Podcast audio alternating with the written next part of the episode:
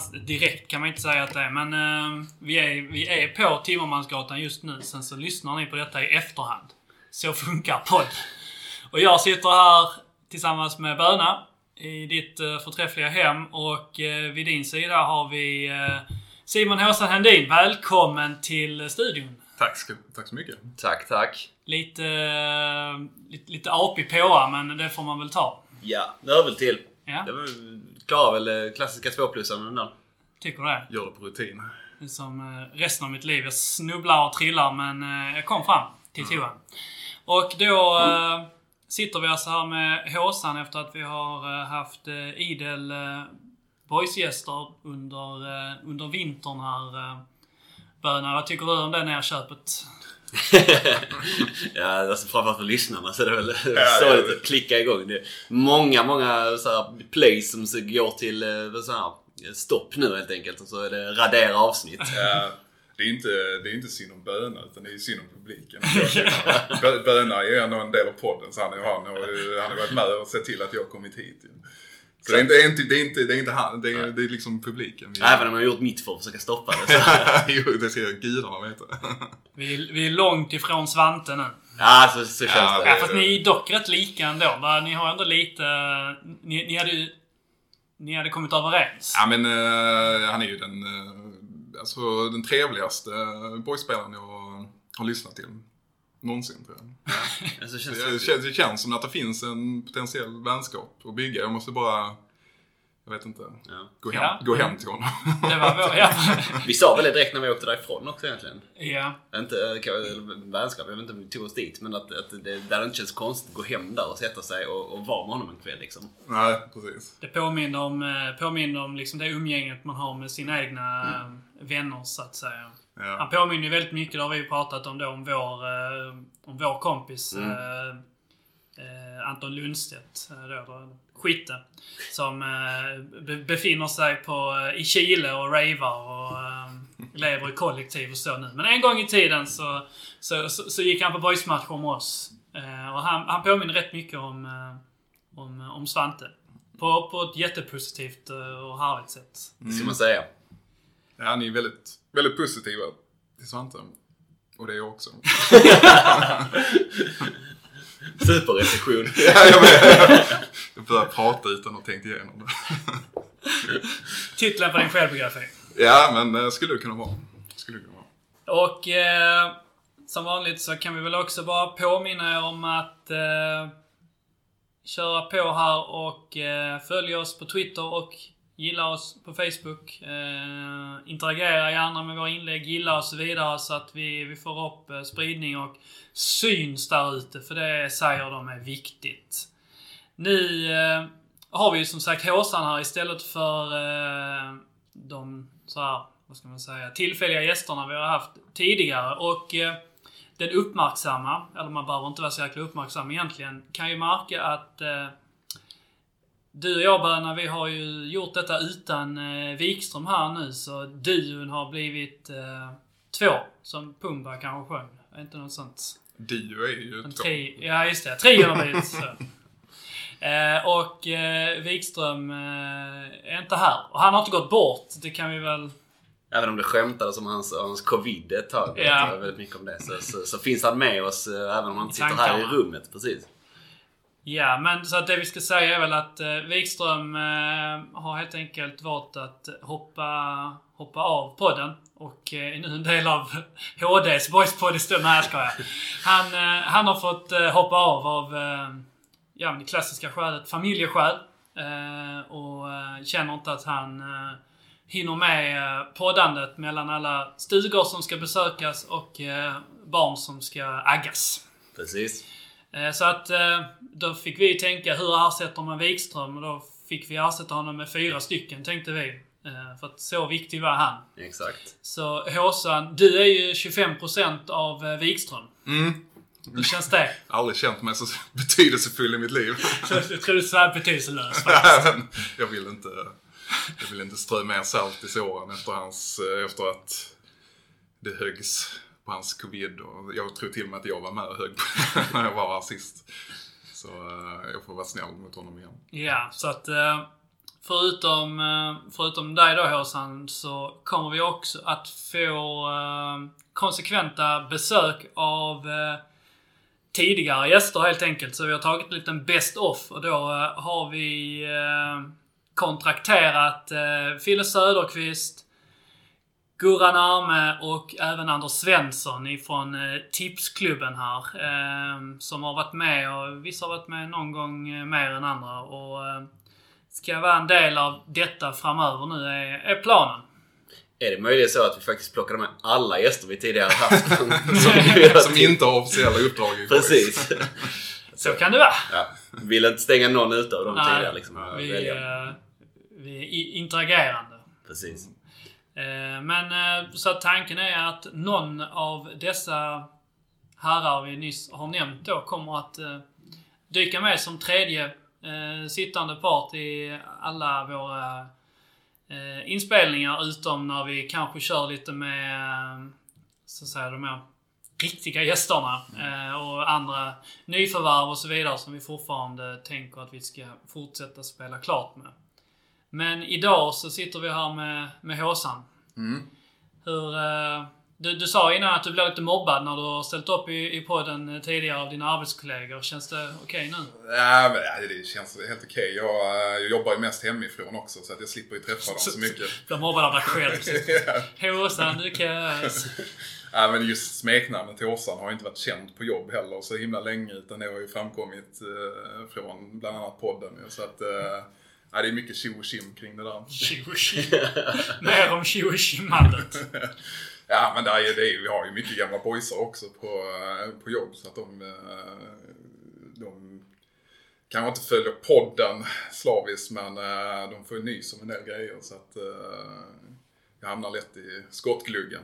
Vad har du för gamla boysare på firman? Vi har Andreas Jakobsson. Eh, Vi har... eh, Extremt o-podcast-kompatibel. Ja, ja, gud ja. Jag vet, jag har min... Eh, vi har ju en gemensam vän som är då släkting till, till Andy och som eh, är ja, men väldigt fotbollsintresserad så som många är.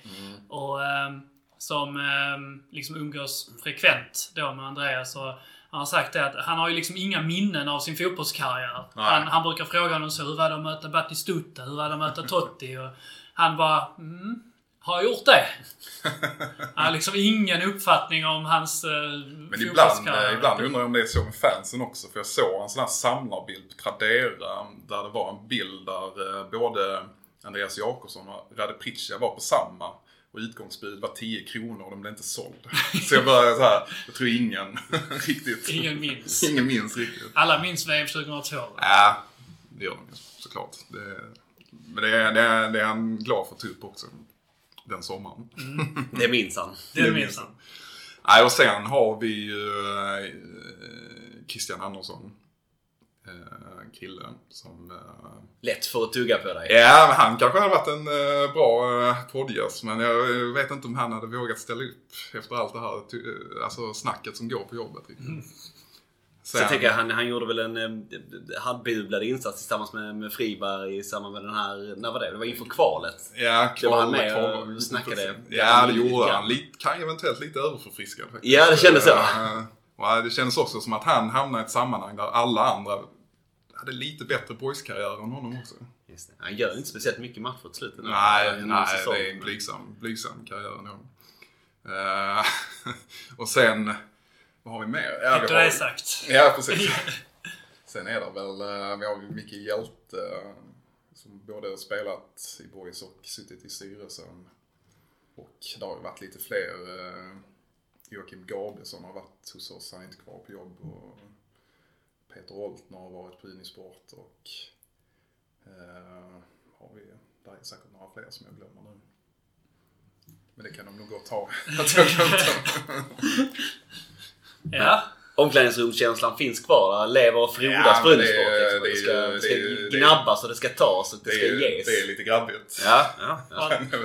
Varit bra för stämningen om man hade satt Friberg bredvid Krille på jobbet. Ja, ja det, det hade ju inte varit, det hade inte varit dåligt. Så fort man öppnar dörrarna på Unisport så möts man av en sån snartande man som ska, med, med, med, med en handduk. som- Det är inte helt långt från sanningen här. Där sitter en riktig galning eh, precis där man går in på kontoret. Men eh, han har ingen boys-bakgrund så jag outar inte namnet här. Ni spelar mycket så här krona och gör såna här, vad kallar de, bögtest och så där man tar suddigum och Det är inte, det är inte högstadie. Det är nog ett jobb. det här Rocco. Säger du. Mm.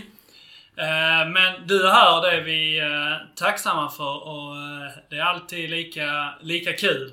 Mm. Ja, det är kul det. Ja.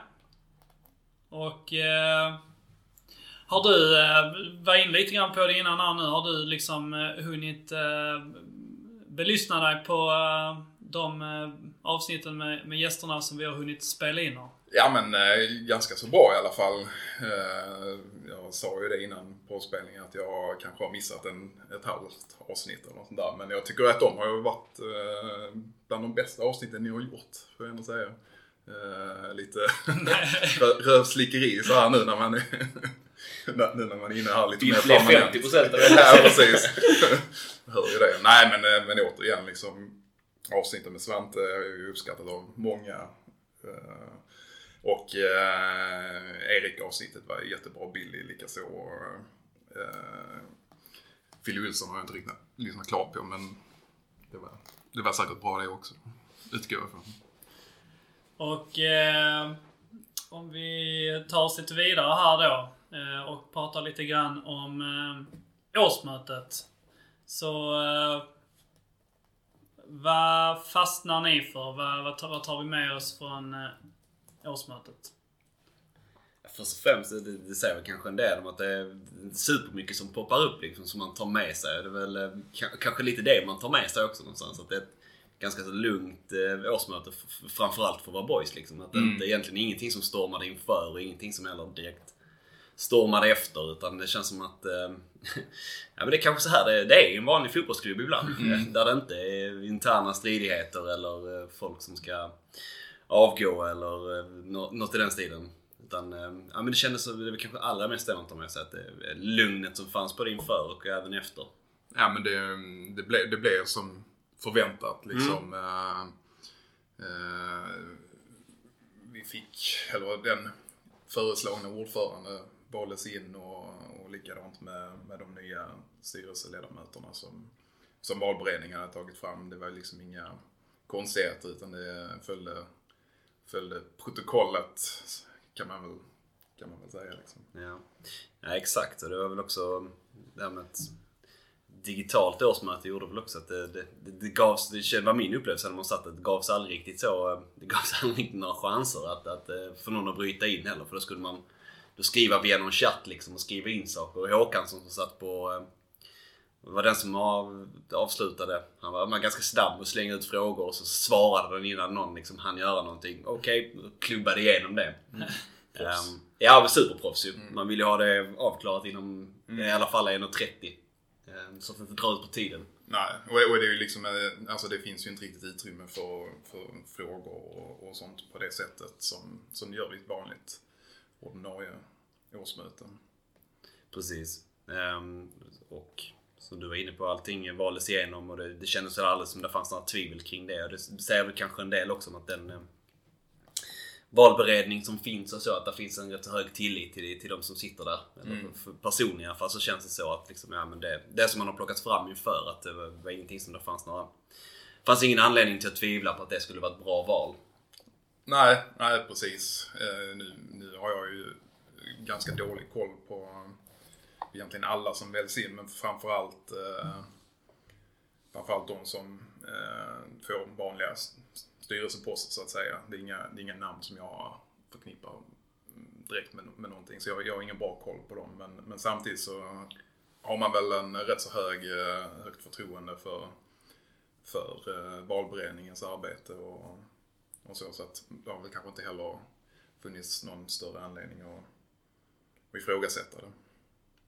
Nej, precis. Det kändes ju som att, eh, jag kan bara stämma in i det, att det är, det är inte personer som jag har koll på heller. Det är så som de presenterades och det man har läst så verkar det väl vara som det en del av de som är med i alla fall och det gäller kanske även ny ordförande att man tänker eh, ganska mycket åt att det är personer som har lite säljerfarenhet och är skickliga inom det området, mycket kontakter.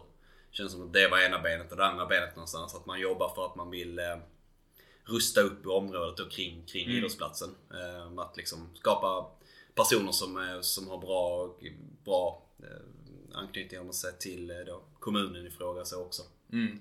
Och det, är- det är väl nästan tydligast med Anders Ekblad som eh, inte är någon person jag känner men, men som, som eh, är på ett välkänt Landskrona-företag och, och är ja, men säkert lite av en kändis här i stan liksom. Precis. Han har väl liksom ett, ett rykte av sig att vara, alltså, att vara en, en, en snäll och god man. Mm. Kanske inte att han är, eh, alltså ska man säga så här.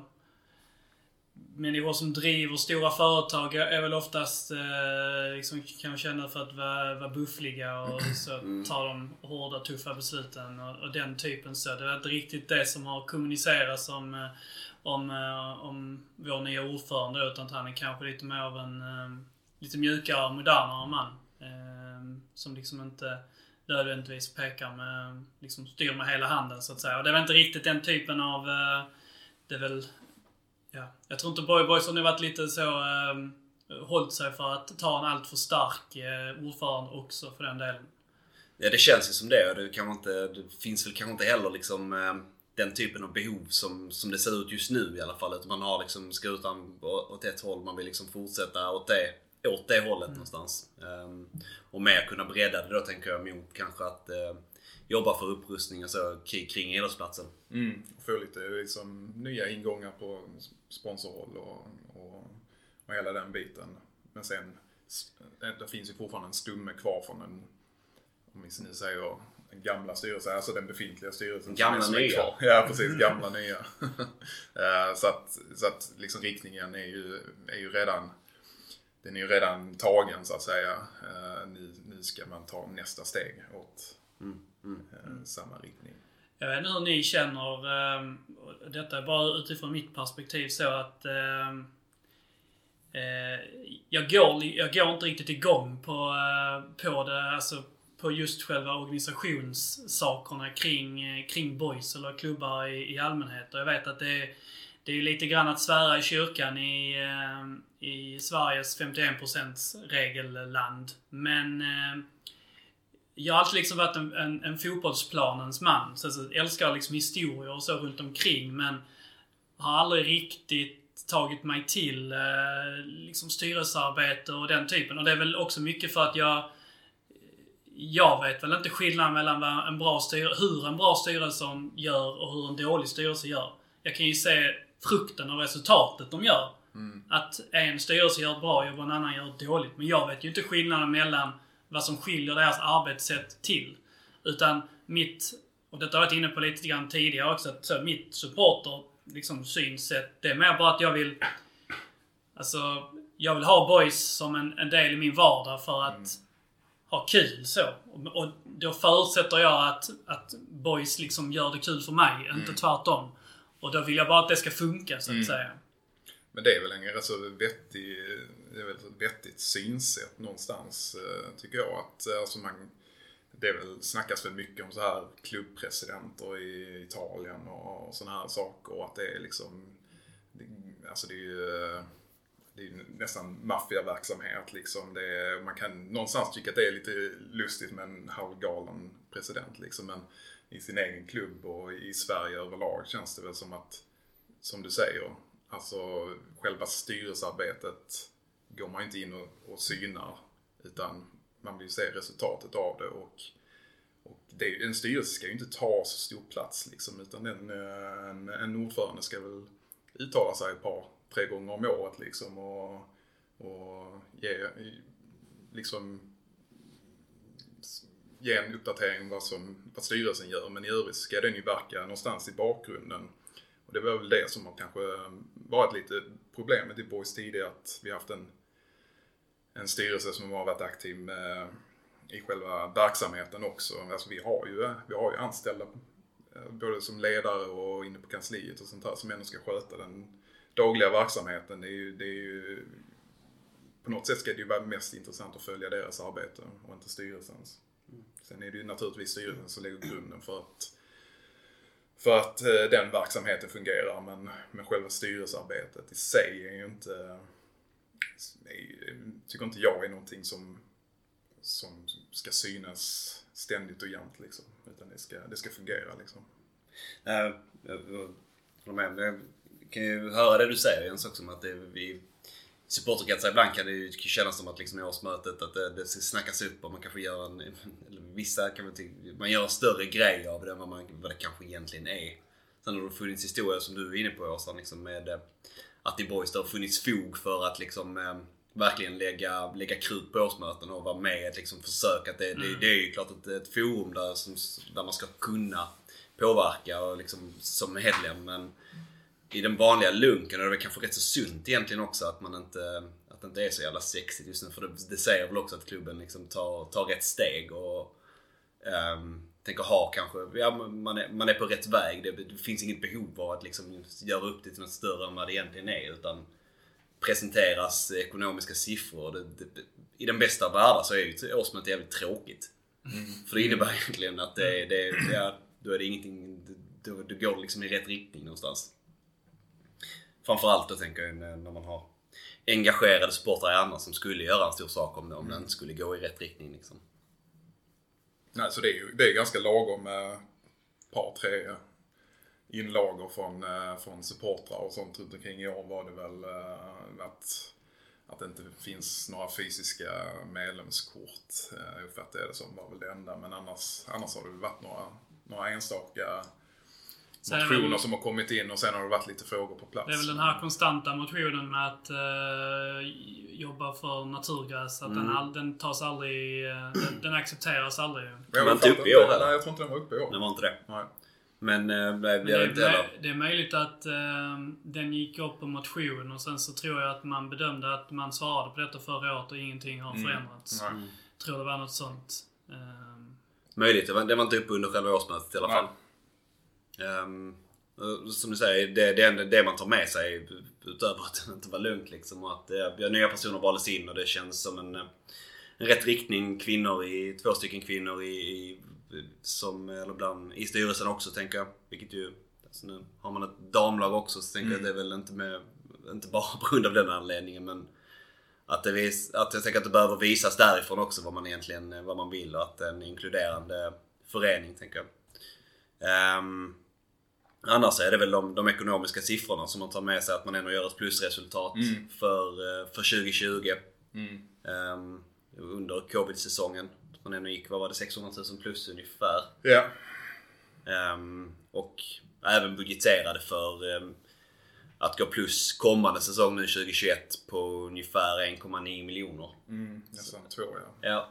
Även om man då uttryckt också att det är svårt att räkna på utifrån ja, publiksituationen så såklart. Mm. Um, och det är väl, jag tänker, man vill plocka in det här eh, gapet som fortfarande finns för att rädda, eh, inom citationstecken, eh, elitlicensen då där man har 1,5 miljoner fortsatt i negativt kapital. Mm. Men där fanns ju en plan som man, var, man, man, man är trygga med för det, även om inte den blev supertydlig tyckte jag under själva mötet. Men så finns det en plan för hur man ska lyckas med detta också. Ja, och det är ju en försiktigt satt budget när det kommer till publik och hela den biten. Jag tror att man ligger bra till redan nu på sponsorsidan. Eh, och jag tror säkert inte att man har budgeterat med de här ersättningarna som är betydligt mycket högre i Superettan än vad med division 1 har man säkert lagt sig på, på lägsta möjliga nivå. Så att eh, förhoppningsvis så är det nog inga det är nog ingen glädjekalkyl man har gjort inför kommande säsong. Hoppas jag inte. Nej, det är vi snackade om det att man även om man inte har full koll på själv kan syna siffrorna så att säga så eh, i det som lät och det man kommunicerade så var det ju inte så, så det som du var inne på att det är väl en, den typen av budget som man har lagt som är egentligen ja, ja det är inte någon glädjekalkyl helt enkelt. Nej.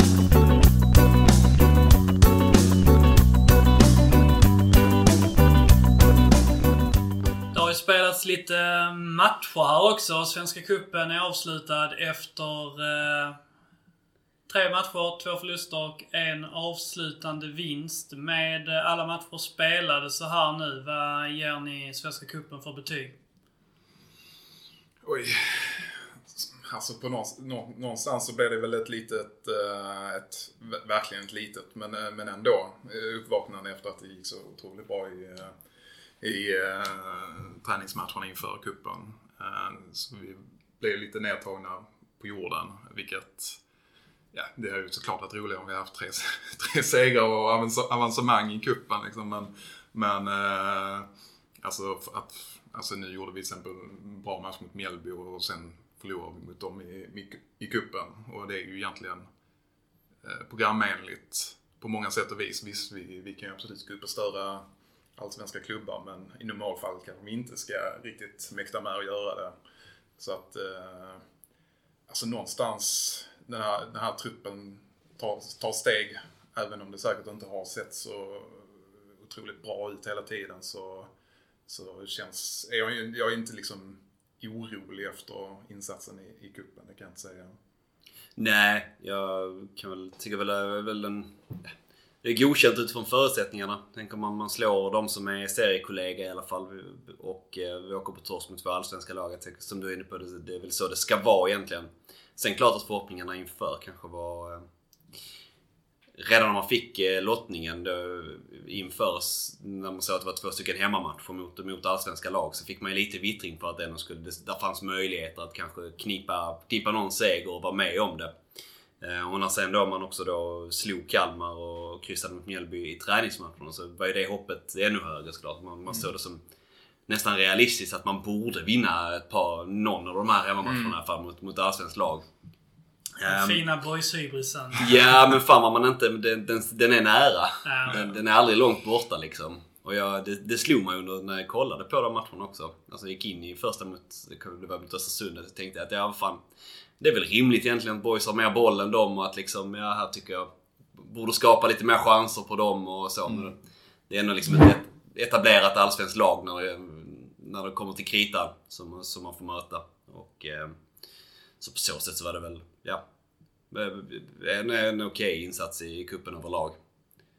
Vad såg ni för brister i dem, eh, mot de här eh, två allsvenska lagen då som, eh, som gjorde att det inte riktigt räckte till? Alltså det som jag tänker som man först och främst eh, som man upptäckte det är väl eh, två saker som jag tar med mig egentligen. Att man eh, dels... Jag tycker man är med i båda matcherna till, till viss del mot dem. Ehm, jag tror det var Fille Olsson som nämnde det i senaste poddavsnittet. De hade genom Y-scout att man hade 65-35 eller någonting i bollinnehav mot, mot Östersund. Um, jag tänker på så sätt så matchar man ju dem men blev väl eh, rätt så... eh, tydligt där att när man, eh, när man får chanserna så är det, det, det är väl där att man eh, man eh, gick bort sig ganska så enkelt i, i avgörande lägen. Eh, om man då att man inte var påkopplade eller att det liksom blev... Det är klart att det finns en annan, ehm, en annan klass i spelare eh, från Allsvenskan som kanske... Ja, det, det, krävs att man verkligen eh, ligger på 100% och det tycker jag väl i båda matcherna att man har... Eh, man har gjort lite för enkla misstag som har lett till att man eh, släppt in mål. Det är väl den ena grejen. Den andra tecken på det är väl att eh, när det inte riktigt flyter anfallsmässigt så, så kör man lite fast. Att det, det finns liksom inte någonting... Eh, inte någon annan växel eller någon annan som, någon spelare som kliver in och gör det här lilla extra. Utan då har man inte riktigt klarat av att, att hitta en väg igenom dem. Så det är väl de två som, jag, som man främst såg. Mm. Men sen såg vi ju men det, men det hänger väl säkert också samman med, med motståndet. Men, men det såg ju liksom, man löste ju anfallsspelet eh, bättre mot Akropolis. Och jag menar, alltså det, någonstans så är det ju såklart att det är en klasskillnad ju. Men, men där, det finns ju där liksom. Det, att, det inte, att det inte plockas fram i, i, i en match mot Östersund eh, eller, eller Mjällby. Det, det, det kanske inte är så himla konstigt. Alltså vi, våra Förra året spelade vi liksom mot, mot division 1-motstånd och, och det kunde se ut så i sådana matcher också. Att vi hade svårt att eh, luckra upp motståndaren och kanske Alltså i alla fall se ut som att vi hade svårt att variera spelet för, för att ta oss igenom liksom. Och att det då blir ännu tydligare mot ett bra motstånd. Det är ju inte så konstigt men, men, men mot Akropolis lyckas vi till slut att göra det och göra en riktigt bra andra halvlek liksom. Sen åker de ju på en, eh, på en tidig utvisning som naturligtvis ställer till det en del för dem. Men, eh, men jag tycker man genomför det väldigt bra. Vi borde gjort många fler mål bara.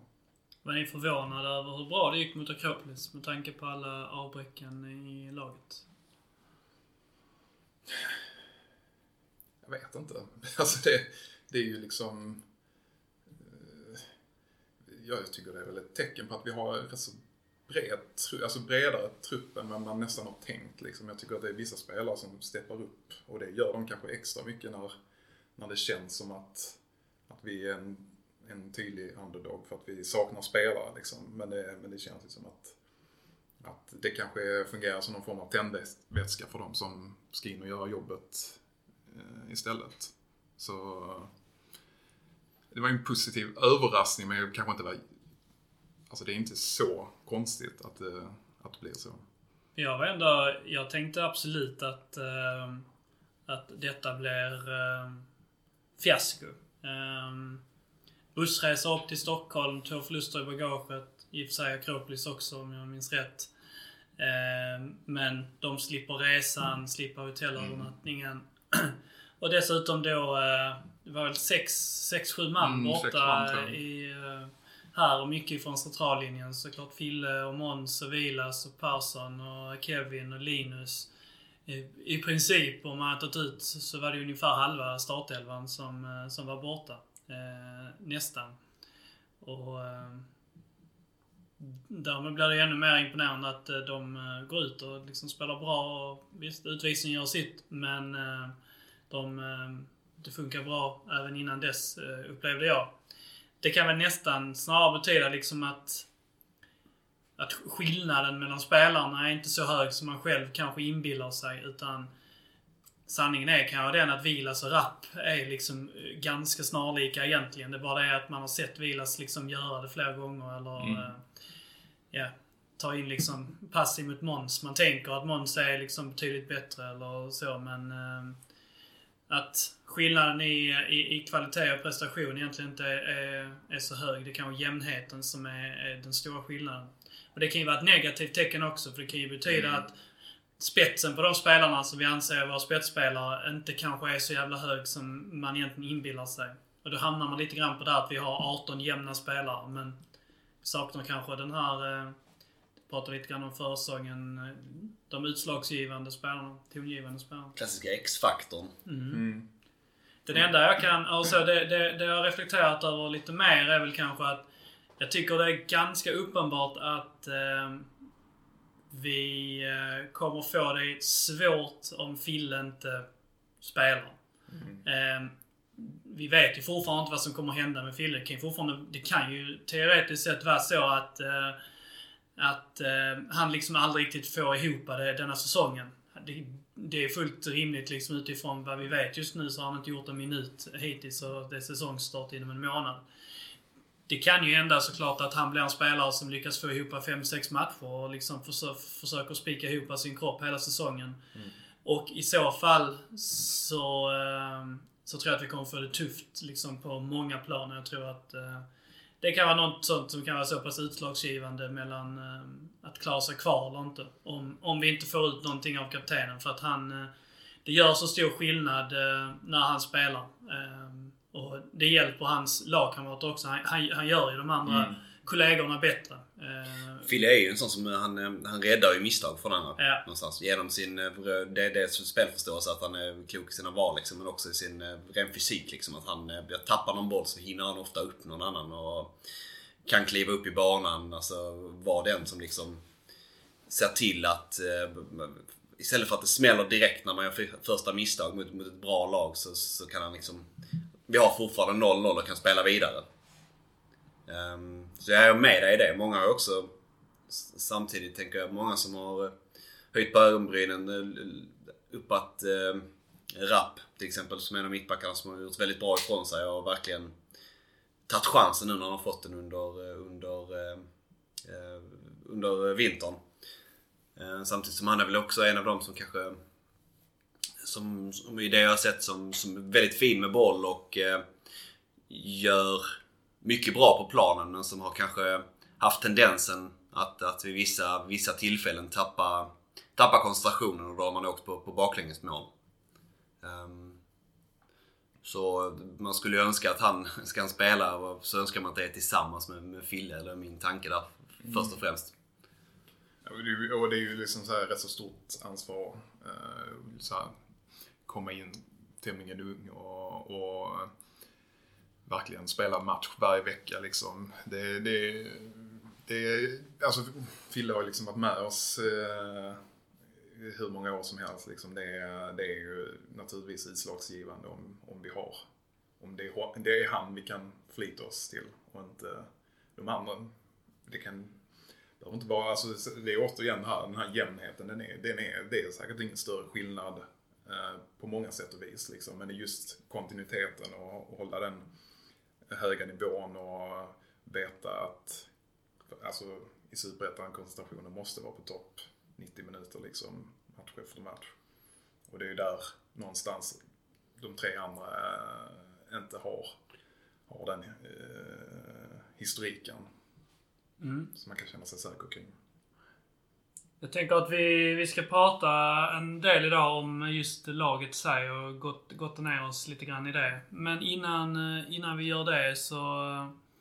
Baserat på hur försäsongen har eh, landat hittills, Håsen, eh, kan du ge mig namnet på en spelare som du upplever har liksom stärkt sina aktier? Antingen för dig eller för vad du tror för tränarna. Ja, men jag, jag har någonstans tagit fasta vid att jag tycker Hoffa ser, eh, ser, eh, ja men det var en otroligt tung säsong eh, förra året för honom.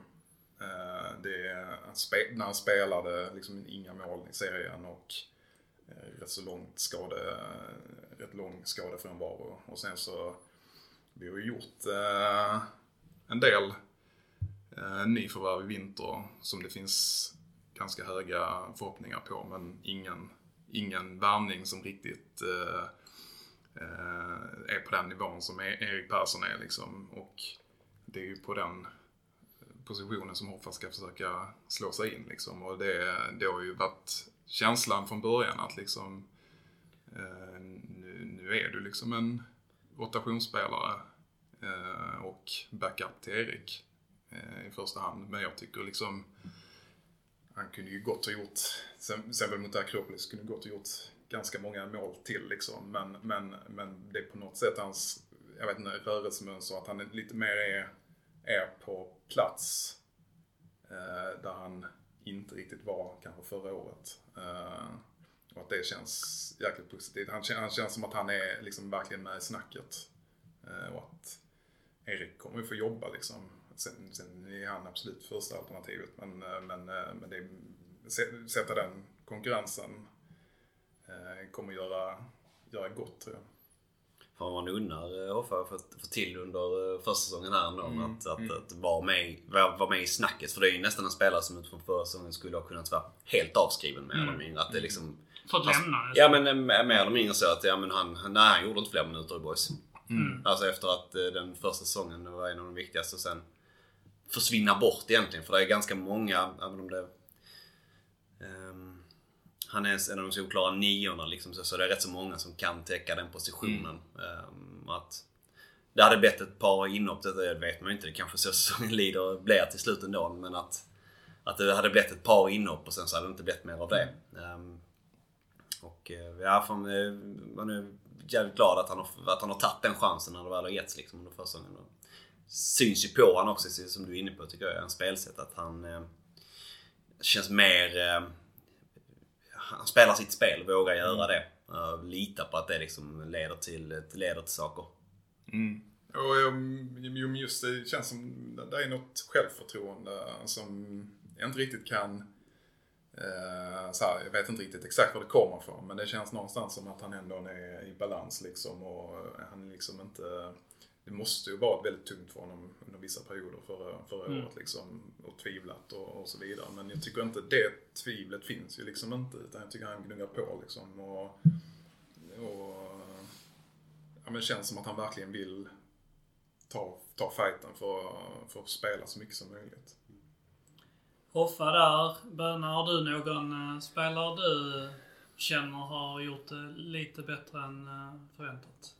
Ehm, ja men då för, självklart också, jag tänker på ta någon så, som verkligen har cementerat sin plats känns som, som jag inte var helt säker på skulle göra det så tydligt. Jag tycker det är ändå Filip Ottosson som har spelat egentligen eh, alla minuter eh, hela tiden och känns som en eh, dunderfavorit hos, hos, hos tränarna i, i sitt spelsätt och har ju, även om han inte sticker ut och gör supermycket, han är någon hockeyassist, känns ju som han kommer göra en del hockeyassister. Att vara liksom, inte den som står i assist boken men den som ligger bakom liksom passningen innan dess. Han kommer ha bra sådana här spindelnät. På, Ja, precis.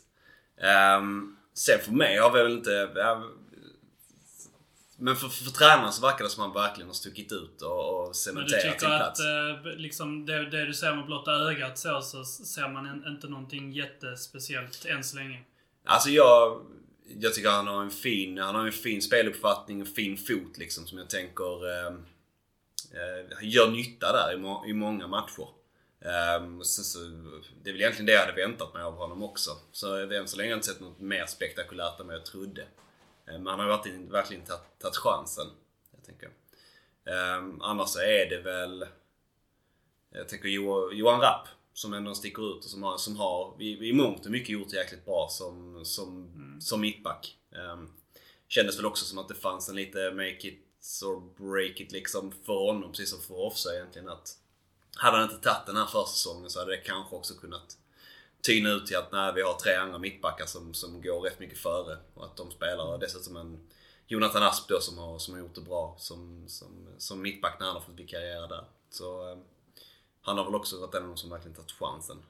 Vad har ni för känsla kring eh, Hampus Farm nu? Det var mycket prat om eh, hans eh, förflyttning från ytter till, till ytterback. Nu har det hunnit gå en del matcher här. Har ni någon känsla för hur det kommer att bli? Alltså, jag tänker väl att han... Ehm, det man ser av, ja, han har fart.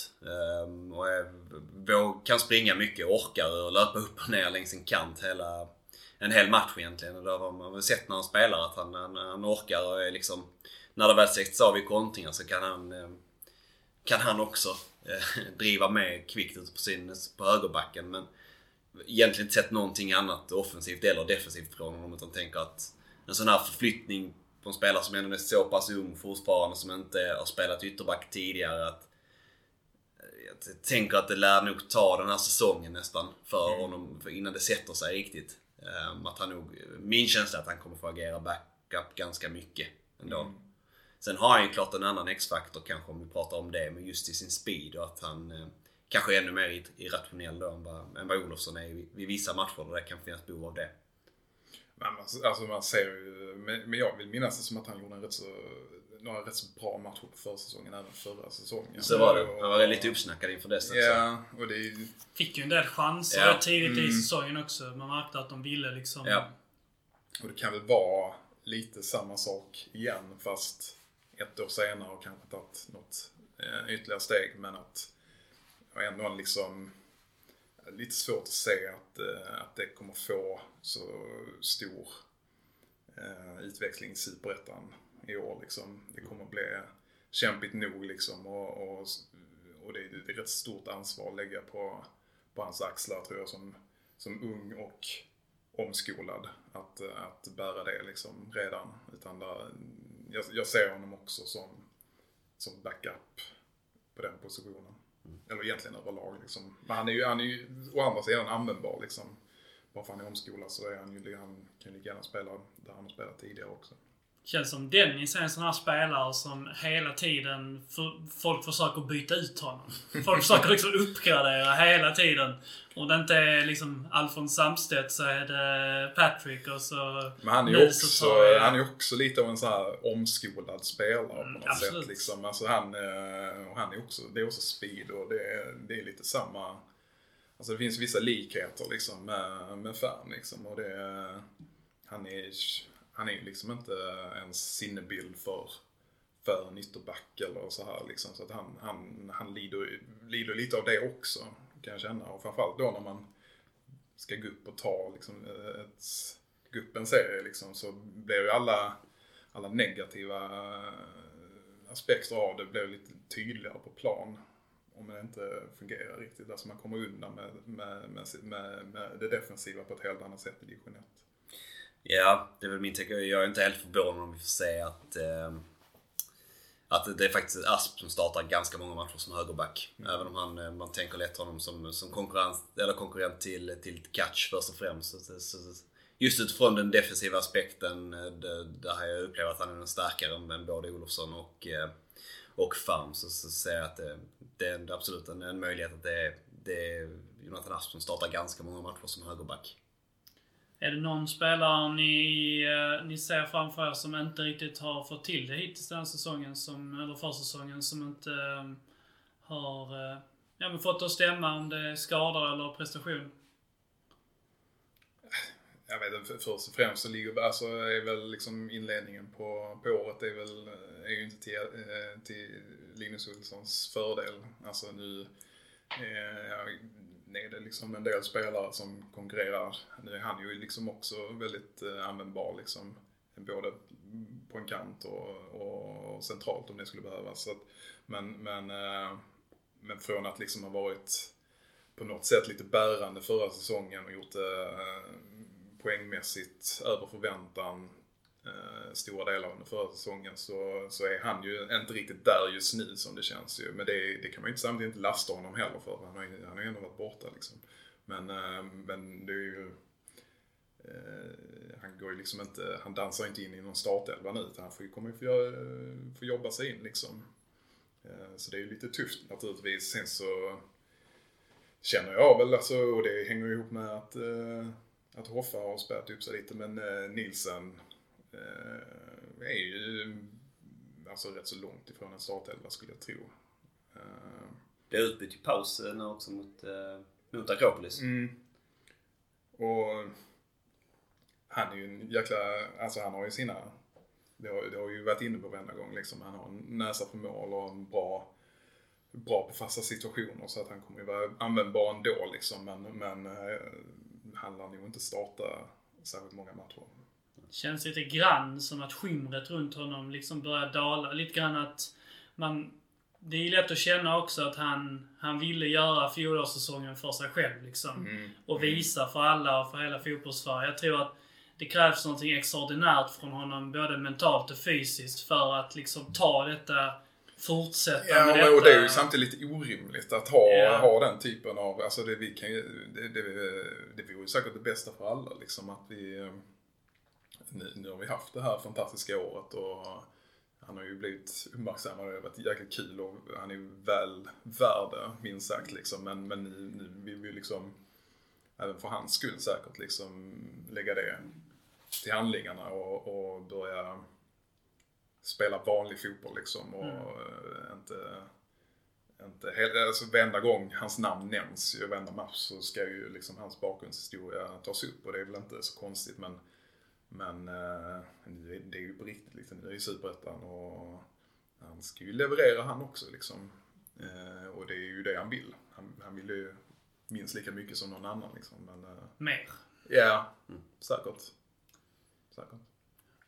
Ja, eh, jag håller med. Det var också min tanke på, på, på Niklas där som egentligen inte har gjort det alltså, dåligt så. Men har väl, har väl haft svårt att ta chansen när han väl dyker upp. Jag tänker det med utbytt senaste matchen mm. också. Eh, I halvlek då. Jag tänker att det... Vet inte, jag har inte läst att det skulle vara någon, eh, någonting eh, annat än man, att man helt enkelt plockade ut honom som gjorde det. Um, sen tänker jag väl att utöver det så är det, tänker jag väl direkt på att det var två, två spelare som i slutet på försäsongen var lite i supporterkretsar som man, man hackade en del på att det tog, tog lång tid och man tappade mycket boll. Då jag tänker på Zumar och Passi. Um, där väl egentligen, um, om man ser på deras, deras försäsong så har väl hittills då så har ju Zuma i de senaste två matcherna egentligen faktiskt tagit chansen och gjort, mm. gjort ganska bra matcher mot både Eh, Eller vilket vi tänker på. Eh, Inhoppet mot Östersund och sen eh, nu i alla fall mot Akropolis. När han spelar i den sittande rollen. Ehm, Medan Passi har inte fått lika mycket chanser och speltid men de chanserna han har fått har han heller inte tagit. Så han har väl hittills fortsatt på den inslagna vägen att det känns som att det har blivit lite väl mycket bolltapp och man... eh, vad ska man säga? Ja men att, eh, nej men inte, inte visat upp eh, riktigt tagit chansen. Så just nu känns det som att han har inte, inte stärkt sina aktier för, för att ligga nära den här nummer 6-rollen. Då tänker jag först och främst på när, när Måns varit borta. Utan att, att, ganska givet att den har gått till Summa istället. Mm. Det är min känsla. Mm. Och jag tror, jag tror verkligen summan ligger liksom bra till för att spela mycket. Det känns som det kommer vara liksom Summa, Ottosson och, och Måns med, med, med Filip framför sig. Som är liksom det är liksom de fyra som kommer att Ja det är väl min känsla nu också. Jag tänker Erik Persson uppade...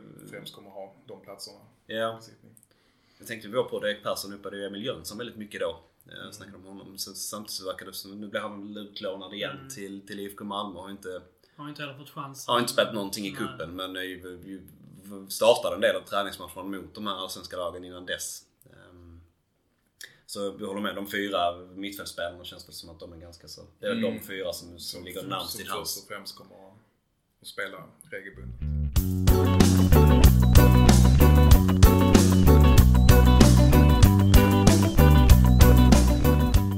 Vi pratar lite mer om eh, hur vi tänker oss att eh, vi hade formerat laget så som det ser ut eh, just nu. Så att om vi utgår ifrån tankeexperimentet att det är seriepremiär imorgon och för sakens skull så kan vi väl också säga då att alla är skadefria.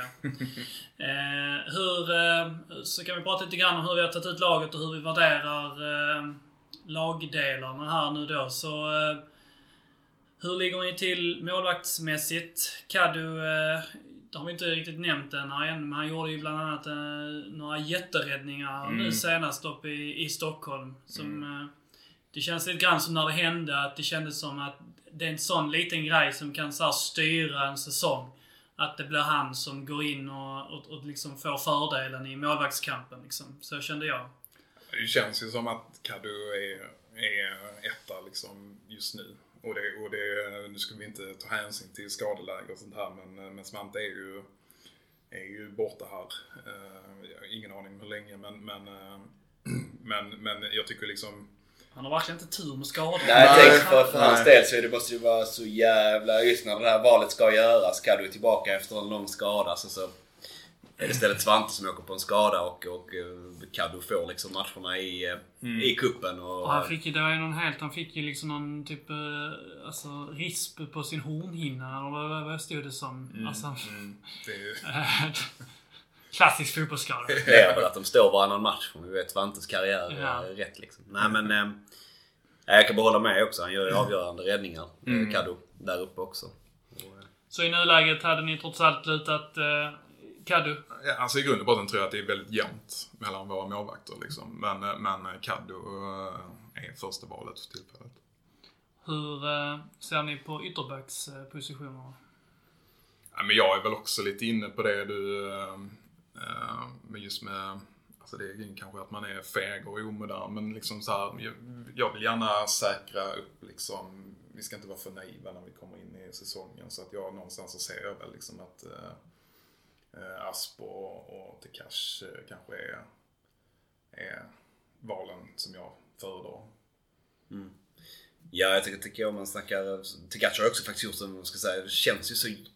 Det känns så jävla självklart på den nivån på något sätt när man, när man ser honom i matcher. Jag tycker sällan liksom, man märker inte av honom så, så himla mycket utan har ju bara visat att ja, men han hör hemma på den nivån. Så jag tycker han är ju den som är verkligen självskriven för mig på, på ytterbackspositionerna. Det, Nu sedan fjolåret också, han fick vara ganska skadefri och gjort det bra då med. Ehm, Och verkligen lyft sen, sen sina svåraste skadeproblem. Liksom det var ju ett tag när han var tillbaka där som man var, man, man, kände, man kände sig ganska osäker. Precis. Att, kommer det här ens funka liksom? Att han kommer tillbaka 100% Men det, då, vi har ju fått kvitto på nu liksom att nu är han liksom tillbaka. Eh, Hur pass eh, trygg. ser ni på... Eh, ytterbackssituationen som en helhet. Om vi säger att vi har de här fyra spelarna som konkurrerar om två positioner. Hur pass eh, väl rustade tycker ni att eh, det är för ett år i Superettan? Jag var ganska orolig egentligen fram till dess att man, att man faktiskt bestämde sig för att signa eh, Murbeck. Ehm, det, det, det verkade under en period som att man tänkte att Asp också skulle liksom rotera på mittbacksposition. Mm. Då kände jag att man är nog en man, är en man för kort här. Det gäller kanske hela backlinjen i sig med att det är spelare som skulle gå in på andra positioner. Men då var jag ganska orolig medan jag nu känner att... att väl man har väl tre, tre backar, alltså tre ytterbackar i alla fall i, i Asp, Decacho och Olofsson som har visat att man i alla fall klarar av nivån Superettan mm. tidigare. Um, Medan Farm är ett ganska så oskrivet kort fortfarande. Um, så jag tänker att utifrån boys liksom, um, utifrån vad man kan vänta sig, utifrån vad det finns för ekonomiska mm. aspekter att väga in i det hela också, så, så, så, så, tänker jag att man är ganska så... Man, man har rätt antal och eh, rätt typ av kvalitet så att säga. Att det, det finns en som är lite osäker men tre stycken som man är ganska säker på kan kliva in och göra ett jobb. Mm. Nej men, men precis, man, alltså det här får ju någonstans väga att ta var vi står någonstans som, som klubb liksom. Eh, nykomling Superettan. Ja, eh, det finns ju naturligtvis äh, saker att anmärka på och, och förbättra. Äh, särskilt på den positionen skulle jag säga. Men, men, äh, men någonstans, just som du säger, att få in Murbeck var... Alltså det, det, det tyckte jag kändes viktigt även om Fille hade varit hel i vinter. Liksom. Hur ser ni på eh, mittbackspositionerna då? Om vi eh, utgår från att vi har eh, Fille, Vilas, Murbeck och eh, Rapp. Då eh, missar jag ingen där va? Eh, hur, eh, I vilken ordning håller ni de eh, fyra? Alltså skadefritt så är naturligtvis Filip självskriven. Ehm, det, det tror jag de flesta tycker. Ehm, sen, sen just Murbeck har jag sett för lite för att egentligen eh, vilja, vilja liksom eh, säga för mycket om faktiskt. Men uh, spontant så tycker jag det känns ganska tryggt ändå. Alltså vi vet vad Vilas går för. Uh, han, han, eh, han är dessutom en rätt så bra ersättare till Fille just med, med alltså styra upp ett försvar och ta mycket ansvar och hela den biten. Eh, så att sen, sen vem som är liksom första valet bakom Phil, det, det känns ganska öppet för tillfället. Ja, jag vet inte. Men jag tycker det är en lite svår sits man sitter i, i boys också. Um, utifrån att Fille, Fille Andersson då står där han står idag med sin skada. Att, uh, som du är inne på Jens, att eh, en del kanske ändå att, han, att hans klass liksom på den nivån är, är bevisad och han liksom um, Ja men är en väldigt viktig, viktig del av det här laget och försvaret. Um, och är han på plats så känner man sig ganska så trygg tänker jag med att de andra kan gå in och göra ett jobb bredvid honom utan några större problem. Skulle Fille däremot inte finnas där så så, så är man lite mer så här: okej okay, räcker det under en hel säsong? Mm. Um, vet inte, även om Vilas har gjort det super liksom under förra säsongen och uh, även då när Fille var borta liksom, tog verkligen det här. Jag tror Fille Olsson beskrev honom också som att det känns verkligen som att han har axlat den här lagkaptensrollen fullt ut. Um, men, just, just det du beskriver om, eh, om Fille, liksom att om, om man plockar bort, plockar man bort just honom kontra någon annan så förändras liksom situationen för för många där. Det finns en... Eh, jag hörde en NFL-tränare? Eh, ja, det finns en NFL-profil som lanserar liksom en egen teori då. Han kallar det för eh, eh, The Jenga Piece. Utifrån det här spelet mm. Jenga. Mm. När man ska dra ut klossar. Mm. Eh, och han liksom lik, liknade vid att du kan ta ut de flesta klossarna i ett Jenga-spel och ingenting händer. Du kan ta ut de flesta klossarna i ett fotbollslag men tar du ut vissa klossar, mm. vissa jenga pieces, så kommer allting kollapsa. Och Fille kan man väl säga är ju vår kanske enda jenga piece egentligen. Han är den enda man känner att laget förändras liksom markant till det sämre om han inte är med.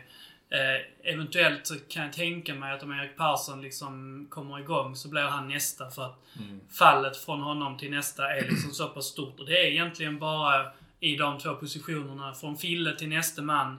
Eller nästan framförallt från Fille, liksom, Fille tillsammans med en kontra de två andra som kommer att spela och jämfört med Erik och till exempel om Hoffa spelar, om man utgår ifrån att Erik är i form. Det är de enda två liksom stora skillnaderna i kvalitet vi har i hela truppen. Det vill säga att våra, enga, eh, våra enda eventuella jenga pieces då som, eh, som eventuellt kan finnas där. Så jag förstår vad du menar. Jag har också tänkt det att det liksom, det förändrar mer att man bara tar ut Fille. Det, liksom, det förändrar många dimensioner i det hela också. Ja, och det gör det också eftersom efter, det hade nästan varit lättare hade Fille varit out helt och hållet. Så hade man nästan kunnat då peka på att okay, vi behöver verkligen en riktigt bra mittback. Eh, För att liksom... För att säkra upp att det inte blir det här fallet. Så De, de, de andra kan lätt täcka in bredvid den här andra spelaren. Murbeck kanske är, blir en sån. Vem vet? Liksom, han har varit i Danmark, skola där, liksom gjort det bra i Ljungskile tidigare. Varit provtränat på många liksom, allsvenska klubbar utomlands tidigare också. Så har, känns det man har potential. Men eftersom Fille står där han står och man vill ha honom som den spelaren som egentligen är spelaren som, som gör de andra mycket bättre. Så kan man inte riktigt gå in och plocka någon av den typen heller för att då är klart risken man har stått med två riktigt bra mittbackar men jag tänker utifrån situationen som Boys är i också. Så, Finns väl inte budget till det? nej precis, det går, inte, det går inte att gå in och bara plocka och ersätta honom samtidigt som man då och, och, och blir han skadefri så är inte det något problem, tänker jag. För då är jag rätt trygg på mittbackssituationen. Men skulle han inte vara det ehm, så är det en ganska lång säsong att rulla på tre mittbackar. Men det är just att, den är, att, det, är- att det är liksom en hel säsong vi pratar om. Alltså är det, vet man med sig att det är några matcher här vi står utan Fille, ja men då, då eh, är det ju liksom inte en katastrof och att, att eh, det faller ihop. Utan, men det är just det där att gå och hoppas på en kille eh, och någonstans planera en hel säsong eh, med, med honom liksom. Och att det då inte blir det, det är då vi är vi säkert blir sårbara under en lång säsong liksom. Och eh, om vi kollar högre upp då, om vi eh, kollar på mittfältstrion då. Så om vi utgår ifrån att eh, vi tar ut eh, ifrån Måns, Passi, Sumar, Fille Ottosson, Fille Olsson. Så får ni jättegärna säga till mig om jag glömmer någon som liksom känns rimlig. Ja, Melker Hajer verkar väl i någon form av tomrum, och- eller tom, någon form av mellan mittfält och anfall liksom. Och kan Ja. vikariera lite överallt känns Där har vi också en som man kan säga har eh, startat sina aktier Mm. denna försäsong. Korrekt. Eh, Okej, om vi utgår ifrån de sex ska vilja en mittfältstrio där. Vad, vad känner ni utifrån dem? Alltså, eh, eh, ja men det, alltså jag, jag tycker uh, Ottosson känns, Uh, ja men alltså jag, jag gillar ju han eh, söker, söker upp eh, bollen liksom för, för uppspel liksom. Han, han, eh, han, är, han är sugen liksom på att uh, ha ett finger med i spelet i varenda, i varenda uppspelsfas liksom. Och jag tycker han uh, har levererat bra liksom på det. Så jag, eh, jag, jag i min bok har han spelat sig in i den startelvan. Sen är det ju lite så här med, med vilken typ av dynamik och så här man vill ha på mittfältet. Men, eh, men jag kanske, kanske sätter Måns med honom. Om vi nu eh, kör liksom helt fullt friska eh, spelare och Filip Olsson framför. Sen, sen skulle jag väl inte tycka att det är något större nedköp om, om Sumar kommer in. Han är nyttig på andra sätt liksom. Så att... Eh, men kan, jag kanske sätter Måns först. Men det... eh, Men... eh, Tycker ni om Summars frilla? Bra eller anus? han är ju typ helt renrakad Ja. nu. Mm, det var lite förvånande. Ja, jag blev också överraskad när, jag såg den först. Jag tänkte Ja. att det var... Såg ut som så, vet han, Micke Svensson och så som sprang där först tänker jag. Någon, någon gammal... Men det, han, han har inte den spelstilen riktigt. Nej men fan, jag, jag, jag är ändå försiktigt positiv. Jag gillar det. det Okej. Det är som eh, med, med, med Skartel i, i Liverpool. Han, Mm. eh, han- han körde ju liksom, ja, säkert fem år med renrakad skalle. Man bara liksom antog ju så här, killen har väl inget hår liksom. Mm. Nej. Det får väl vara så. och en stenhård slovakisk mittback. Ja, det är väl bra. Sticker till Fenerbahce på liksom en månad, har världens hipsterhår på huvudet. Det är liksom... Det knorrar och det är fint och det är vackert Men nu och är det är ju- volym och... Men nu har ju Zuma gjort något helt Tvärtom, annat. ja ja. Exakt. Man trodde inte han kunde vara skallig. Han hade inte det i sig. Eh, jag har överraskat på så sätt i alla fall. Med sin, med sin skallighet. Jag har väl faktiskt också, tycker jag, Stennes matchen överraskat med att han, eller överraskat, men eh, ändå han gjort det bra. Framför, jag tyckte mot, mot Akropolis är han en av de bättre spelarna. Jag gör ju verkligen, från den positionen när man har mycket boll och eh, nu var det ändå med ganska stor del av tiden. Men jag tycker han är en av de som sk- skiftar eh, matchbilden lite grann när man, man har svårt i början i den matchen till att sen faktiskt vända det och bli bättre. Så han har ju verkligen eh, med i snacket för mig. Ehm, jag tycker precis som Håsan är inne på. Phil Olsson och Filip Ottosson just nu självskrivna. Eh, som de två lite mer framskjutna. Ehm, jag skulle nästan vilja sk- skjuta in Filip Olsson i, i facket som en, eh, en Jenga-spelare för detta boys. För han, eh, utifrån mittfältspositionen, att han sitter på kvaliteter som nästan ingen annan av de andra gör ändå. I att driva boll och vara mer framskjuten och utmanande på något sätt. Um, jag har sagt det förut, tänker jag att Zuma, har det i sig men inte den, inte den som går direkt emot utan eh, är lite mer Filip Ottosson-typen då, att ligger, ligger bakom och mer hockeyassist-typen. Um, ehm, jag tycker de två är för mig självskrivna i alla fall. Sen så... Eh, där bakom så är det för mig ja, det eller Måns eh, just nu. Um, där jag... Eh, Måns har gjort det bra, man, man vet vad man får. Precis som Måns i, i nästan varje match. Han är otroligt bra i slutet förra säsongen Förra säsongen, nu, kvalet, var han ju en av de som verkligen stack ut. Mm. Um, Phil Olsson beskrev honom som en av världens bästa spelare i, division, eller i Superettan på det han gör. um, nej, men han- man vet vad man får liksom i, form av um, um, städgumma framför en backlinje. Sen så är väl frågan fort, fortsatt där liksom om man ska äga, fortsätta äga väldigt mycket boll om han um, Mm. eh, tillräckligt, eh, vad ska man säga, eh, passningsspel som ställer tillräckligt mycket frågor för, för, för ett annat lag. Att det är risk kanske att man, jag tycker det är The Boys som man har sett i vissa matcher att man, när man vi har är ju nästan aldrig ägt mer boll än Nej, liksom. men, men att man blir lite så här, man rullar runt den. I, man går upp på mittfältet, sen tillbaka till backlinjen, så ut på mittback och försöker man med någonting. Men lyckas inte riktigt. att Det krävs rätt mycket eh, för, för nummer 6-spelare i det spelet också. Inte för Måns är dålig, dålig passningsspelare, men har ju lite mer ett safe spel än vad Zuma har. Ehm, så jag, vill, jag, jag är inte, inte, inte överens helt med tanken om vem, vem jag skulle vilja starta en premiär av de två. Lite eh, mos, beroende på motstånd kanske, helt enkelt. Men då eh, är ni ändå ganska överens om att eh, ställa upp med en, en trio av dessa fyra spelarna då. Phil Ottosson, Phil Olsson, Måns och Summa. Och att Passi och Melker Hajer i nuläget inte riktigt eh, når, eh, når fram. Nej, så är det ju. Men, eh, men, eh, men en, överlag en, liksom en lagdel som ändå är eh, hyfsat spetsig och hyfsat bred. Med, när, när, vi, när vi har det sparkapitalet också. Alltså det är ju inte att de går in och bidrar med något eh, väldigt spetsigt liksom när de kommer in. Men, men det är ändå, eh, har vi de fyra som matchas hårdast så är det väl en, en, en, en bra uppsättning att ha utöver det, känner jag. Jag kan väl bara liksom i så fall... Jag är väl inte så såld på Ottosson som, eh, som många är. Eller, alltså känslan när man eh, pratar om honom är att många liksom bara säger ja men han satt. Den, den, den har suttit den här värvningen och jag har inte liksom... Förutom att det, det har blivit väldigt uppenbart att han har ett jättestort förtroendekapital hos tränarna så har jag liksom inte sett någonting speciellt i prestationen som jag tror att eh, Ja, men om man hade gett de spelminuterna till Zuma eller till Passi så hade det väl sett un- ungefär likadant ut ur en individuell prestations eh, synvinkel. Sen så ser jag liksom också allt det här med att han, han har en fot och, och ett spelsätt liksom. Men det är Superettan. Alla spelare får man förväntas ha, ha något av det i alla fall.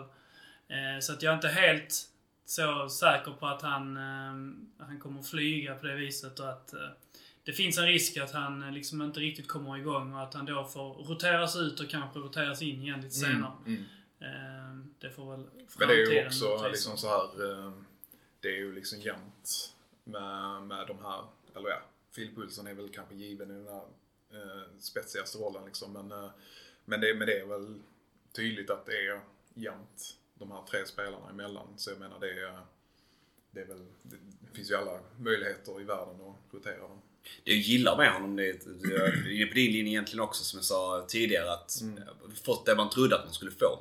Men det jag gillar med honom är att han själv verkar tycka att han verkligen hör hemma på den här nivån. Alltså han sänder de signalerna när han går ut att ja, ja, det, det är här jag ska vara liksom. Det är inte, han räds inte att spela på ett allsvenskt lag. Utan, mellanår förra året liksom. Ja precis, men jag tycker att det är också jag tänker att det är jävligt viktigt att ha som, som nykomling någonstans. Att man har spelare som sänder de signalerna också. Att det liksom inte är lag som känner att ja, men de här tror kanske inte riktigt på att de hör hemma här. Eller Det tänkt känns det. väldigt ambitiös. Ja men känns som att han är solklar liksom. Här, så jag ska vara här. Om eh, vi kollar på nummer 9 positionen då som en isolerad så är det väl egentligen nästan bara eh, Persson och eh, Hoffa som eh, konkurrerar om det. De har ju varit, angående Niklas, varit lite småtydliga med att eh, du får nog gå ut på en kant om det ska bli någon speltid i år. Eh, han är väl på pappret tredje valet där då men eh, beroende på skador och så, så lär det väl inte bli så jättemycket. Om vi utgår ifrån Hoffa och eh, Persson där. Hur, eh, hur känner ni inför de två? Är det ens en debatt? Nej, man tror väl, tror väl nästan inte det. Alltså det är ju... Erik Persson framstår ju som en av de starkaste prof- profilvärvningarna vi gjort på flera år. Liksom att... Eh, alltså... Erik, Sen Rade Pritsch. starkare än det till och med. Kanske inte utåt, men... Okej. Eller utifrån. Men, ja. Fy fan! Tjata soppjobb ett tag. Ja, Ville ha Okine. Nej men liksom... Och jag Kommer du ihåg hans crossbollar? Han bara så, så, så... Jag vet inte vad han gjorde. Han spelade typ bredvid Viktor Svensson som var en av dem. Så han, var- han var jävligt bra på det liksom. Ja. Dra dem. Så, så, jag ska också göra det här. Han drog sådana här crossbollar med liksom vristen som gick liksom typ så här 90 grader bara i sidled för det mesta. det var någon som gick fram i slutet på säsongen. Antagligen. Någon enstaka. Nej men jag menar alltså för många har ju säkert Erik Persson varit liksom en, nästan till en drömvärvning under flera säsonger liksom sen han lämnade Boys. Just för att han kanske då inte har kommit lika långt som en sån som Levi eller så här. Men Erik Persson har ändå känts som att, ja men, han har ju spelat mest, mest mycket superettan och sånt där. Han har inte känts liksom omöjlig att, att få tillbaka till klubben. Och nu, nu har man ju då landat den så att den, det är ju, av den anledningen är han ju svår att, att rucka på. Även om eh, Hoffa gör det bra. Så, så är ju Erik rätt så tydlig etta för mig och liksom, jag har inte följt Erik något vidare sen han lämnade Boys liksom men, men, eh, men den, de, de egenskaperna som han visade upp när han var här och om han kan hitta tillbaka till det efter, efter sitt strul så, så ser jag honom som en jättetillgång liksom. Men, men det är en bit att vandra innan man når dit och det har ju liksom inte varit en dans på rosor under försäsongen liksom. Nej. Nej, det är ju bara att stämma, stämma bäcken om att det har inte, det har inte flutit helt och hållet. Sen så de matcherna, i, framförallt de inledande, så ser man ju att han, eh, precis som... eh, Han gör väl något superavslut. Ja, Mm. han gör ju ett bra avslut där. men- Men också att han han har ju liksom, han har ju självförtroende nog att liksom eh, våga göra någonting när han Mm. får bollen också. Han slår inte den ifrån sig utan vågar hålla i och liksom spelar man en back i ryggen utan att han liksom blir stressad av det. Som jag tänker är jäkligt viktigt för Boys spel. Ehm, och även om Hoffa har visat mycket så ser man ju, som vi någonstans nämnde, mot, mot Akropolis sist också, att där är ju ett par mål till som han ska göra. Där, eh, även om eh, Erik Persson också har bränt eh, li- lite chanser under försäsongen så känns han som en mer, eh, en, mer klinisk avslutare. Eh, för tillfället i alla fall. En som skulle, jag skulle backa mer om det kommer ett friläge där det står Antingen om det är ett underläge eller om det står lika i slutet på en match. Jag skulle backa Erik eh, betydligt mer än vad jag backar Hoffa just nu. Att sätta dit bollen då. Och bredvid eh, Hoffa då så eh, får vi välja ut bland Kevin, LRO och OP och Niklas där då. Mm. Fan vad smeknamnet OP har satt sig. Mm. Ja. 2 plus. 2 plus. Finns väl någon sån, vad är det? OP, murbräckan? Har vi med Malmö det? Ränan. Moränan Tycker jag är roligare. Ja. Rapshönen kanske får rapp då. men- Ibland så. Ja. ja, men det har satt sig. Absolut. Rapsen gungar. Han måste ju ha rätt så bra poängstatistik sen han kom till Ja. Boys. Alltså, det får man ge honom. Alltså, jag var är verkligen inte såld på honom när han kom till klubben. Liksom. Men, men liksom, det, är, det är svårt att argumentera mot att han fan bidrar positivt i, i poängskörden. Liksom. Och, eh, alltså, I min bok så är det väl nästan han och, och Kevin som som är, som är förstahandsvalen och det hänger lite ihop med också att, eh, att eh, den spelstilen på något sätt eh, eh tycker jag passar in i vårt sätt som vi nog vill spela bättre än vad LRO gör. Sen är, eh, sen är Linus... NRO är också ett 2 plus smeknamn. Ja. det finns utrymme för förbättring. Ja, det är verkligen. Det, det, det är inga, det, det, är inga som liksom så här gnuggar sina geniknölar i boys omklädningsrum när de ska hitta på smeknamn. Men, Rapphönan och OP. Men sen är det liksom LRO, det är också där, alltså det är, det är ju, det är ju, det är, jag tror det är en styrka liksom att ha, ha lite varierande spelartyper också liksom. Alltså det är ju, ja, Det kan man ju gilla som fan. Och så Ja. Niklas eh, intill det. Det är ju väldigt Ja. liksom, specifika typer av spelare åtminstone. Men jag skulle säga att det nog de tre emellan är ganska jämnt. Men att OP och Kevin kanske ligger snäppet före. Men LRO som, som sagt, haft, han har ju inte, han har ju inte kunnat spela liksom. Eh, men, men eh, just spelartypen så, säger är han nog trea men, men det är ju en otrolig tillgång egentligen att ha den typen av spelare. Och jag menar han...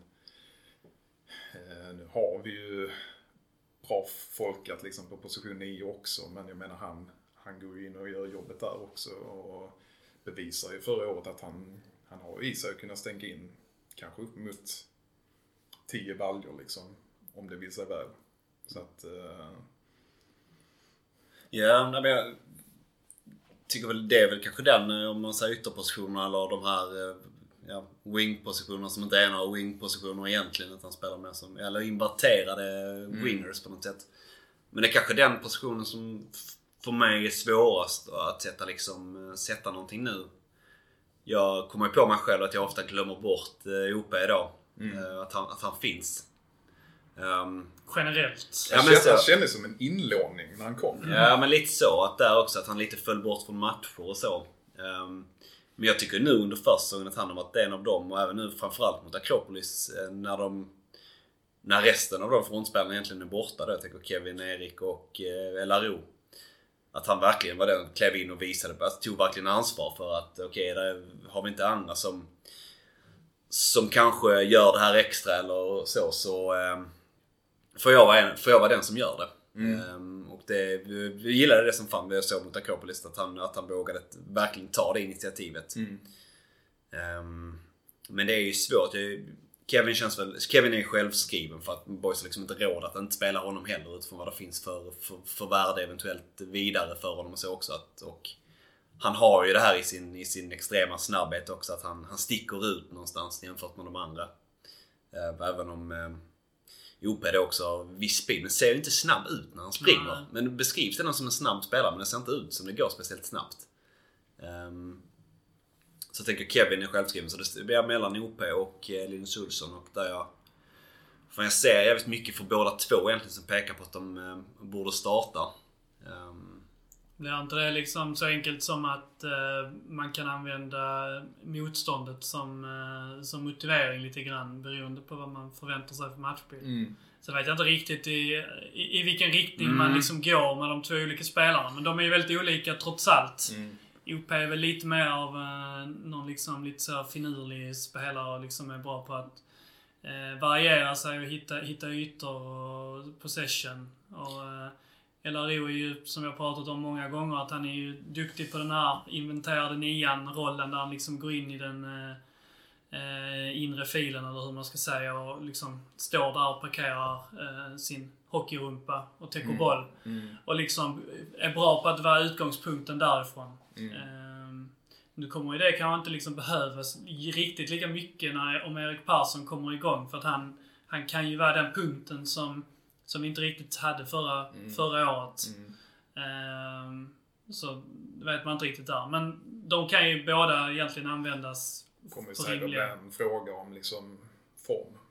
Alltså, går det bra några matcher, men då fortsätter man att starta Mm. och sen, sen, sen byts någon in och gör det bra och sen så är det den person, den spelaren som kör på ett tag liksom.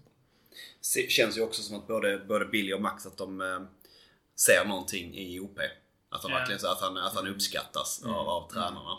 Ehm, och det kan ju bli samma där att man vill eh, spelare som ändå är yngre och eh, inte lika långt gången i sin karriär att man verkligen vill premiera det och ge chansen också då. Eh, vilket kanske skulle kunna då säga att han, att han just nu kan gå före Elarodo också.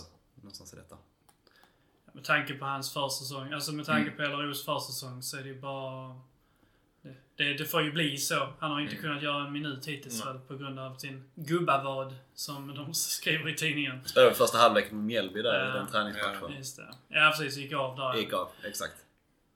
Eh, Så det får väl vara vad, vad det är i så fall. Mm. Det var ju i princip eh, varenda spelare nämnd. Synd om de som inte har blivit nämnda nu då Mm. men eh, det är väl i princip, eh, jag tror nästan vi har kommit hela vägen. Där är ju eh, Luka Petrovic. Luka och Emil eh, som har blivit utlånade till, till IFK Malmö igen om jag förstod det rätt där. Eh, och det får man väl ändå säga liksom att det betyder att de är lite för långt borta ifrån startelvan för att eh, orka ha med dem i såna här tankeexperiment i Men jag fall. antar att de är, är redo att plockas in med kort varsel om det Det är väl samma lösning som i Mm. fjol liksom. Ja. Så det är ju inte omöjligt att någon skulle kunna... Vad är IFK Malmö? Tvåan? Gick upp. gick upp i ettan. De gick upp i ettan. Man tvåan. En rätt hög nivå nu. Publikskandal väl då när de gick upp? Som släppte Just in det, en massa för mycket folk. Ja, exakt. Inte snyggt. Vad tror ni nu, lite avslutningsvis nu då? kom rapporter igår om att eh, planeras för publik och sen så sa Tegnell i morse att eh, nej, ni kan inte ha publik, era dumma jävlar. Vad känner Nej, ni? jag, jag känner väl bara liksom att jag tar inte ut någonting i förskott. Jag, jag, jag är någonstans inställd på att det nog inte blir publik eh, på premiären. Men jag, jag har höga förhoppningar om att det kommer vara hyfsat folkat i, i sommar. Och båda Helsingborgs derbyna ligger i andra halvan av augusti. Så att eh, eh, jag hoppas verkligen att, att, eh, att det faktiskt kan bli ganska mycket publik på de två matcherna. Ja. Hoppfullt. Ja, det, det här beskedet som kom igår då först med, när, när man fick... När man skulle få släppa på lite folk. Jag vet inte, det gjorde, det gjorde typ ingenting med mig. Jag där och då. ja, Utan, man, har blivit, man har liksom, eh, det där har ju lite hänt i andra sammanhang. Liksom, Ja. Att, eh, att nu, nu släpper vi på det oss för att sen stänga dörren eh, bara kort tid efter. Så att Mm. vi, vi kommer nog få leva med osäkerheten ända fram till premiären, tror jag. Köps inga årskort härifrån då alltså. Och så blir det Marek Hamsik mot uh, Melker Hajer. Uh, vad, det, vad det kommer här. Det piggar var, upp. Det var ju något roligt eh, montage, jag hoppas det, med att eh, Billy hade gått och staff, skaffat en likadan frilla som på boys Det hade medier. piggat upp det om det hade varit på riktigt. Att Billy...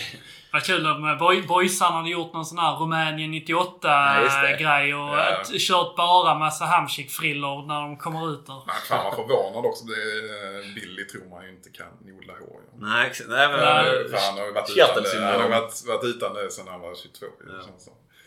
Men eh, det är exakt, det får man väl kanske ge medieavdelningen då. Att de, de piggade upp bilden på dem. det var något. Ja. Det, jag tänkte på det. det. Det måste väl vara någon form av... Eh, nästan som en tjänst eh, som eh, Blåvitt eh, gjorde boys. Eh, alltså via, via Farnerud va? För att det måste ju Mm. vara... Det var, det var väl till och med utsatt så att detta blir Hamsiks första minuter liksom. Ja, ja. Det är första hemmaminuterna. Ja. Ja, det är möjligt. Eller möjliga, första hemmaminuterna. Precis, och att den, liksom- den kom ju så pass sent. Så att det måste ju varit som en ren liksom, passning till boys här. Ni kan få detta. Ja. Det måste ju vara någon form av lobbyistarbete Ja. där mellan uh, Farnerud och ja, men liksom klubben. Ja. Det piggar väl upp. Ja, det, Eh. det välkomnar vi. Finns väl ingen annan eh, direkt liksom logisk förklaring till, eh, till mötet annars. Det är många spelare som eh, säkert vid något tillfälle kommer att nämna Hamsik som den bästa de har mött. Kanske inte just i den matchen, men, men, men största spelaren i alla fall. Ja. Ja, det känns som det finns ju någon sånt här att man vill lite slå ner på det här Hamsik-maskineriet också. Att vad, vad fan, ja men det är inte så coolt eller så stort egentligen. Men alltså VFA, jag tycker bara att det, ja, det är rätt fett liksom. ja, Mm, det är coolt. mm. Och där säger vi nu stopp för detta haveriet. Nej, det var supertrevligt som vanligt Håsan. Ja, kul att vara tillbaka. Ja, och eh, det blir flera gånger denna säsongen här. 25 procent Ja, ja, men ni, ni har fortfarande chansen att bara så här, stryka mig och så. Jag tror du skulle säga stryka de andra. ja, ja, ja, det är också såklart. Jag vet att Anders, Anders kommer att bli ledsen. Jag tror han ser fram emot att komma tillbaka. Ja. Alltså. Böna, hur kändes det att eh, vara tillbaka i den, eh, vad ska man säga, vanliga podcast... Eh, podcastandet? Podcastsfären. Ja, men det var lite ringrostigt i början idag. Det känns som det var ett tag sedan. Eh, Men eh, fan vad kul det är att få, få det här utrymmet att snacka boys bara. Ja, men bara sitta här en, en kväll så eh, drar du ju i fotbollsnerven på ett annat sätt. Exakt, det gör ändå någonting med en. Mm. Man har ju saknat eh, de här ändå. Det är kul att sitta med, med spelarna och göra liksom, intervjuerna och man får lite grann lajva reporter, journalist så. Det har man väl eh, liksom... eh, Det hatar du inte. Det hatar jag inte. Eh, och, eh, men detta är ju roligare liksom. Så är det. Det lät inte så när ni intervjuade Svante ändå. Det lät som att du, det här det här är det roligaste. ja, det var det. Men eh, det har vi släppt nu och vi har gått Ja. vidare. Och eh, vi säger eh, tack till Håsan, tack till Böna och tack till er som har lyssnat. Och så säger vi Heja Boys! Ja, boys. Du kan lita dig tillbaka Du kan drömma lite grann Som om Gud var lika randig Han som sinne din sida Dröm om röken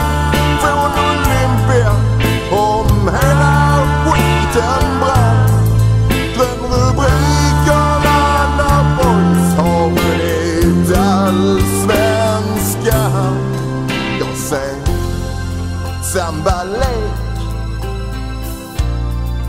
Varm och het? Jag ser grym överlägsenhet Ja, du ser väl det själv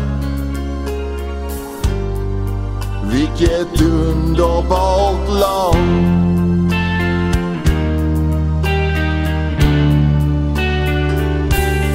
Ja, travel the väl det själv Vilket underbart lag.